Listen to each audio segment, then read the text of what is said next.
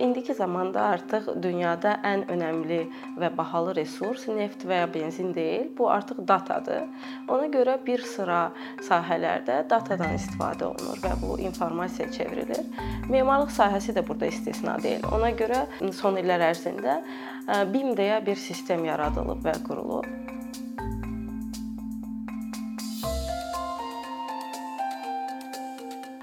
BIM abreviaturasının açılışı nədir? İngiliscə Building Information Modeling deməkdir.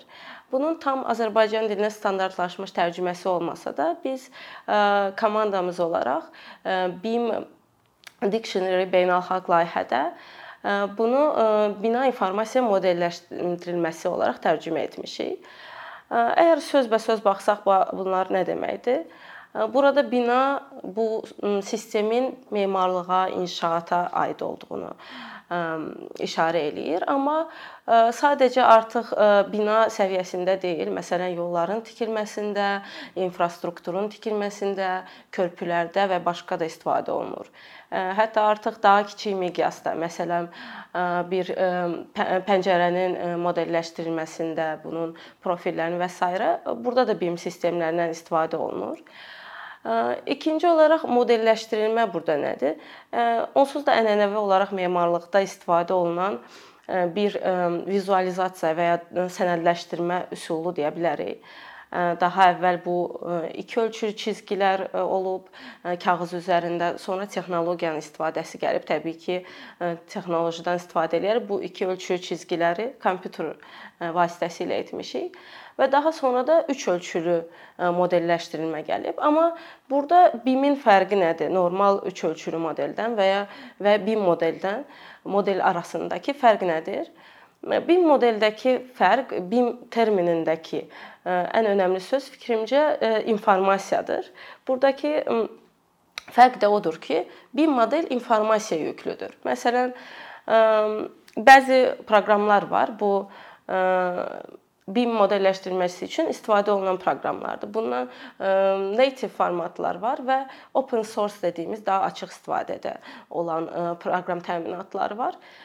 Və bunlar ən böyük fərqi odur ki, bəzi alt metadata dediyimiz bu modellə haqq model haqqında informasiya ora yüklüdür. Məsələn, biz modelə pəncərə qoyduğumuzda artıq proqram onun pəncərə olduğunu bilir və ya divar çəkdiyimizdə onun divar olduğunu bilir.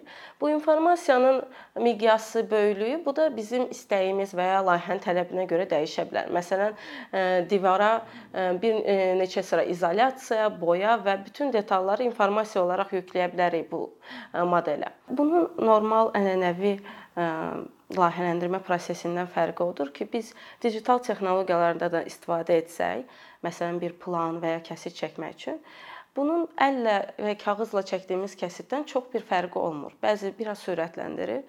Amma BIM modeldə artıq biz bir model üzərində işlədiyimiz üçün burada əgər biz kəsit almaq istəsək, proqram bunu bizim əvəzimizə edir və bu kəsitlər artıq ayrı faylda deyil. Əgər modeldə də hər bir dəyişiklik olsa, bütün dəyişikliklər avtomatik olaraq bütün görünüşlərə təsir edir. Buna görə bu prosesi sürətləndirir və səhvləri də azaldır bu prosesdə. Və ümumi olaraq BIM-i necə təsvir edə bilərik? Virtual məkanda kollaborativ şəkildə bir çox maraqlı tərəfin birlikdə işləməsinə imkan verən bir sıra texnologiyalardır və ya proseslərdir və ya siyasətlərdir. Burada ikinci ən önəmli tərəfi nədir BIM-in? Kollaborativ işləmə bacarığı imkanı verir bizə.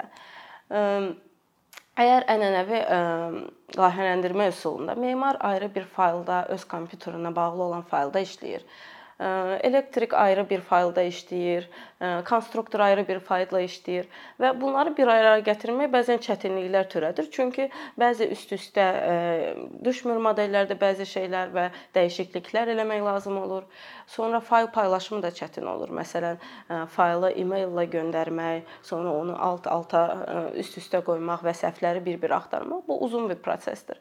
BIM-də isə necə olur? Sadəcə bir model olur və bu model bulud məkanında olduğu üçün bütün maraqlı tərəflərin, bütün peşə sahiblərinin bura bilavasitə müdaxilə eləmək imkanı olur.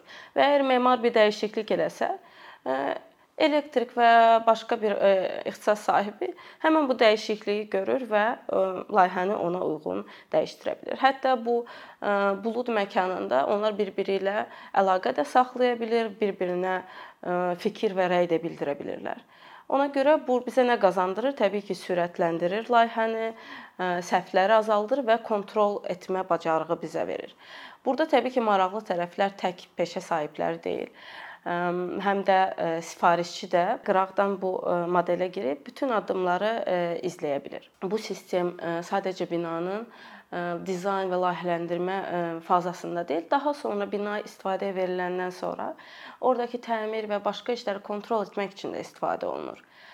Və bu model informasiya yüklü olduğundan, məsələn, informasiya dedikdə nə nəzərdə tuturam? Oradakı materiallar ola bilər, materialların və ya fərqli elementlərin sahəyə nə vaxt gətirildiyi, qiymətinin neçə olduğu, istehsalçının kim olduğu, bütün bu informasiya və daha başqa da bizə lazım olan o layihədə informasiya bura yüklənə bilər. Burada bu modeldə informasiya yüklü olduğu üçün biz bunu fərqli analizlər üçün də istifadə edə bilərik. Məsələn, binanın dizaynından öncəki fazada əgər biz hər hansı bir iqlim parametrlərinə uyğun binanı modelləşdirmək istəyiriksə və ya dəyişdirmək istəyiriksə və ya məsələn müəyyən günün müəyyən zamanında müəyyən gün işığının binaya girməsini istəyiriksə, artıq bunu da biz optimizasiya edib və ya analiz edə bilərik bu BIM modelləri üzərində. Bundan başqa BIM sistemi daha çox xərclərin hesablanmasında da istifadə olunur. Çünki bura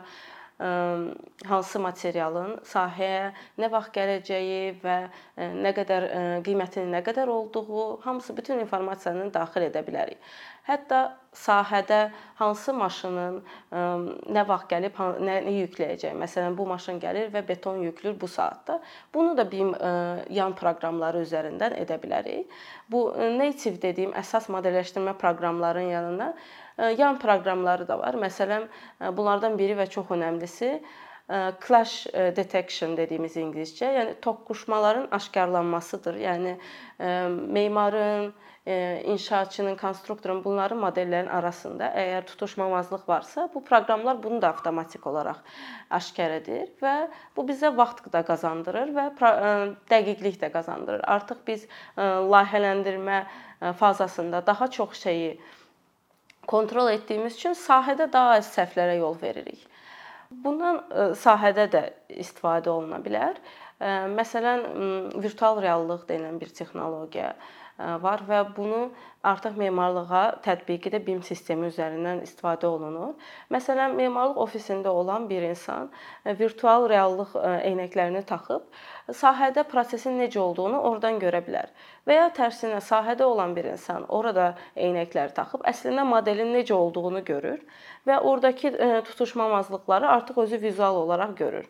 Və ya bu müştəridə də istifadə olunur. Müştəri əgər təsəvvür edə bilmirsə model necə olur, yenə bu eynəklərin vasitəsilə orada daha yaxşı hiss edə bilər özünü modeldə və daha düzgün qərarlar verə bilər. Sualı yaranır ki, bu BIM kimə lazımdır və nəyə görə lazımdır?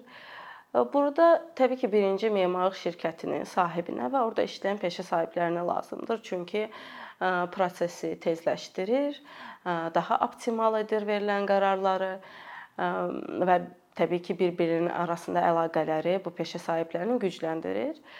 Bundan başqa kontrol etmək artıq bu modelə kim nə zaman nə dəyişiklik edib və hansı modellər arasında nə fərq var, bunu kontrol etmək asan olur. Ona görə BIM-dən bir maraqlı tərəflərdən biri də dövlətlərdir.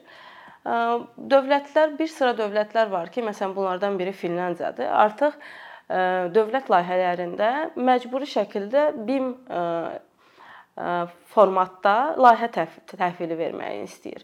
Artıq əvvəlki kimi kağız və ya PDF formatlarda təhvil verilmir, model olaraq təhvil verilir. Bu da bu yenə də informasiya ilə bağlıdır. Bunu təkrarlayıram, amma nə qədər çox informasiya sahibdirlərsə, o qədər daha asan kontrol edirlər və binalara məsələn sənədlərin verilməsi, sənədləşdirməsi daha sonra bu da avtomatik BIM sistemi üzərindən buna keçid hazırlayırlar bir sıra dövlətlər və Finlandiyada artıq bu tətbiq olunur məsələn. Başqa maraqlı tərəfdə təbii ki, sifarişçidir. Daha çox düşünülür ki, BIM böyük miqyaslı layihələrdə istifadə olunur. Amma kiçik miqyaslı layihələrdə də araşdırmalar göstərir ki, bu yenə də bizim faydamızadır.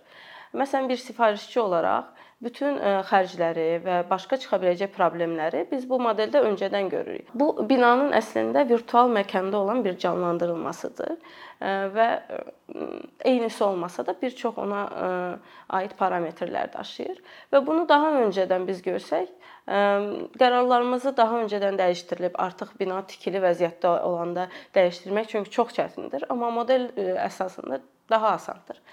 Və belə qərarlarımızı daha öncədən versək, bu daha effektiv və daha ucuz olar bir çox mənada. Və son olaraq da ondan danışmaq istəyirəm ki, niyə bu qədər inkişaf etməyib və bunun qarşısında nə problemlər var? Bu sadəcə Azərbaycanda yox, bir çox ölkədə hələ də təzədir və indi implementasiya olunur. Buna səbəb olaraq araşdırmalar deyir ki, memarlıq sahəsində kollektiv biliyin azlığı var və məsələn avtomobil sahəsində bu necə daha çox bilik bir yerdədir və daha çox texnologiyadan istifadə olunur. Memarlıq sahəsində bu daha fraqmentləşmiş formadadır. Birinci səbəblərdən biri budur.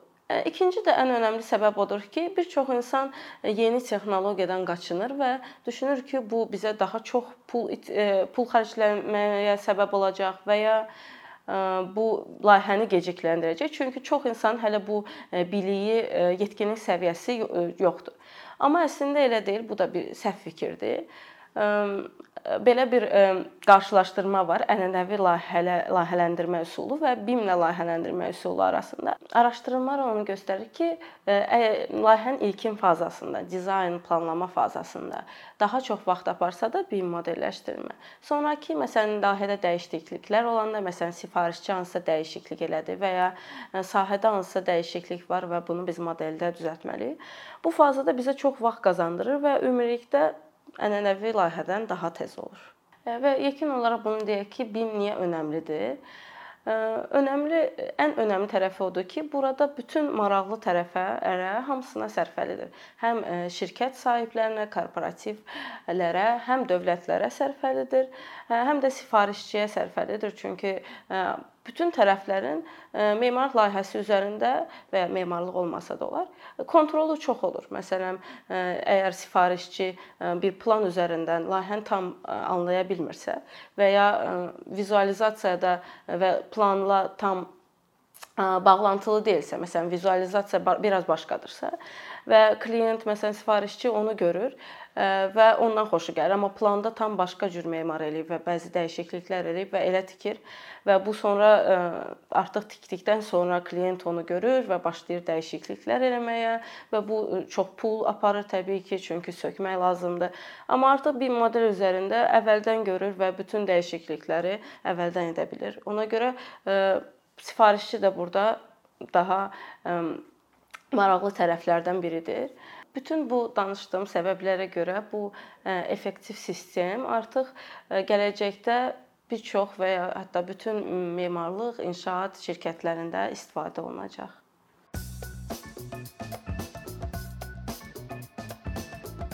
Bir neçə ildir ki, əkinçi olaraq Azərbaycanlı izləyicilərin hər zaman faydalana biləcəyi keyfiyyətli və ən əsas ödənişsiz kontent hazırlamağa çalışırıq. İndiyədək təqdim etdiyimiz onlarla animasiya və yüzlərlə çəkilişlər tələbələrin, mütəxəssislərin, müəllimlərin və ümumiyyətlə yeni mövzulardan xəbərdar olmaq istəyən çox sayda insanın marağına səbəb olub. Bu illər ərzində hazırladığımız videolar təhsil, texnologiya, ictimai fəallıq, iqtisadiyyat, gender bərabərliyi, ətraf mühit, ifadə ifadə azadlığı, hüquq, demokratik inkişaf, mədəniyyət və digər mövzuları əhatə edib. Məqsədimiz çoxlu baxış gətirən deyil, çoxlu fayda gətirən videolar hazırlamaqdır. Amma bu düşündüyümüz qədər asan deyilmiş. Gördüyümüz iş kifayət qədər resurs, əmək və təbii ki, davamlılıq tələb edir. Bu səbəbdən Patreon platformasından istifadəyə başladıq. Əkinçinin Patreon hesabının populyarlaşmasına çox böyük ümidlərimiz və gözləntilərimiz var.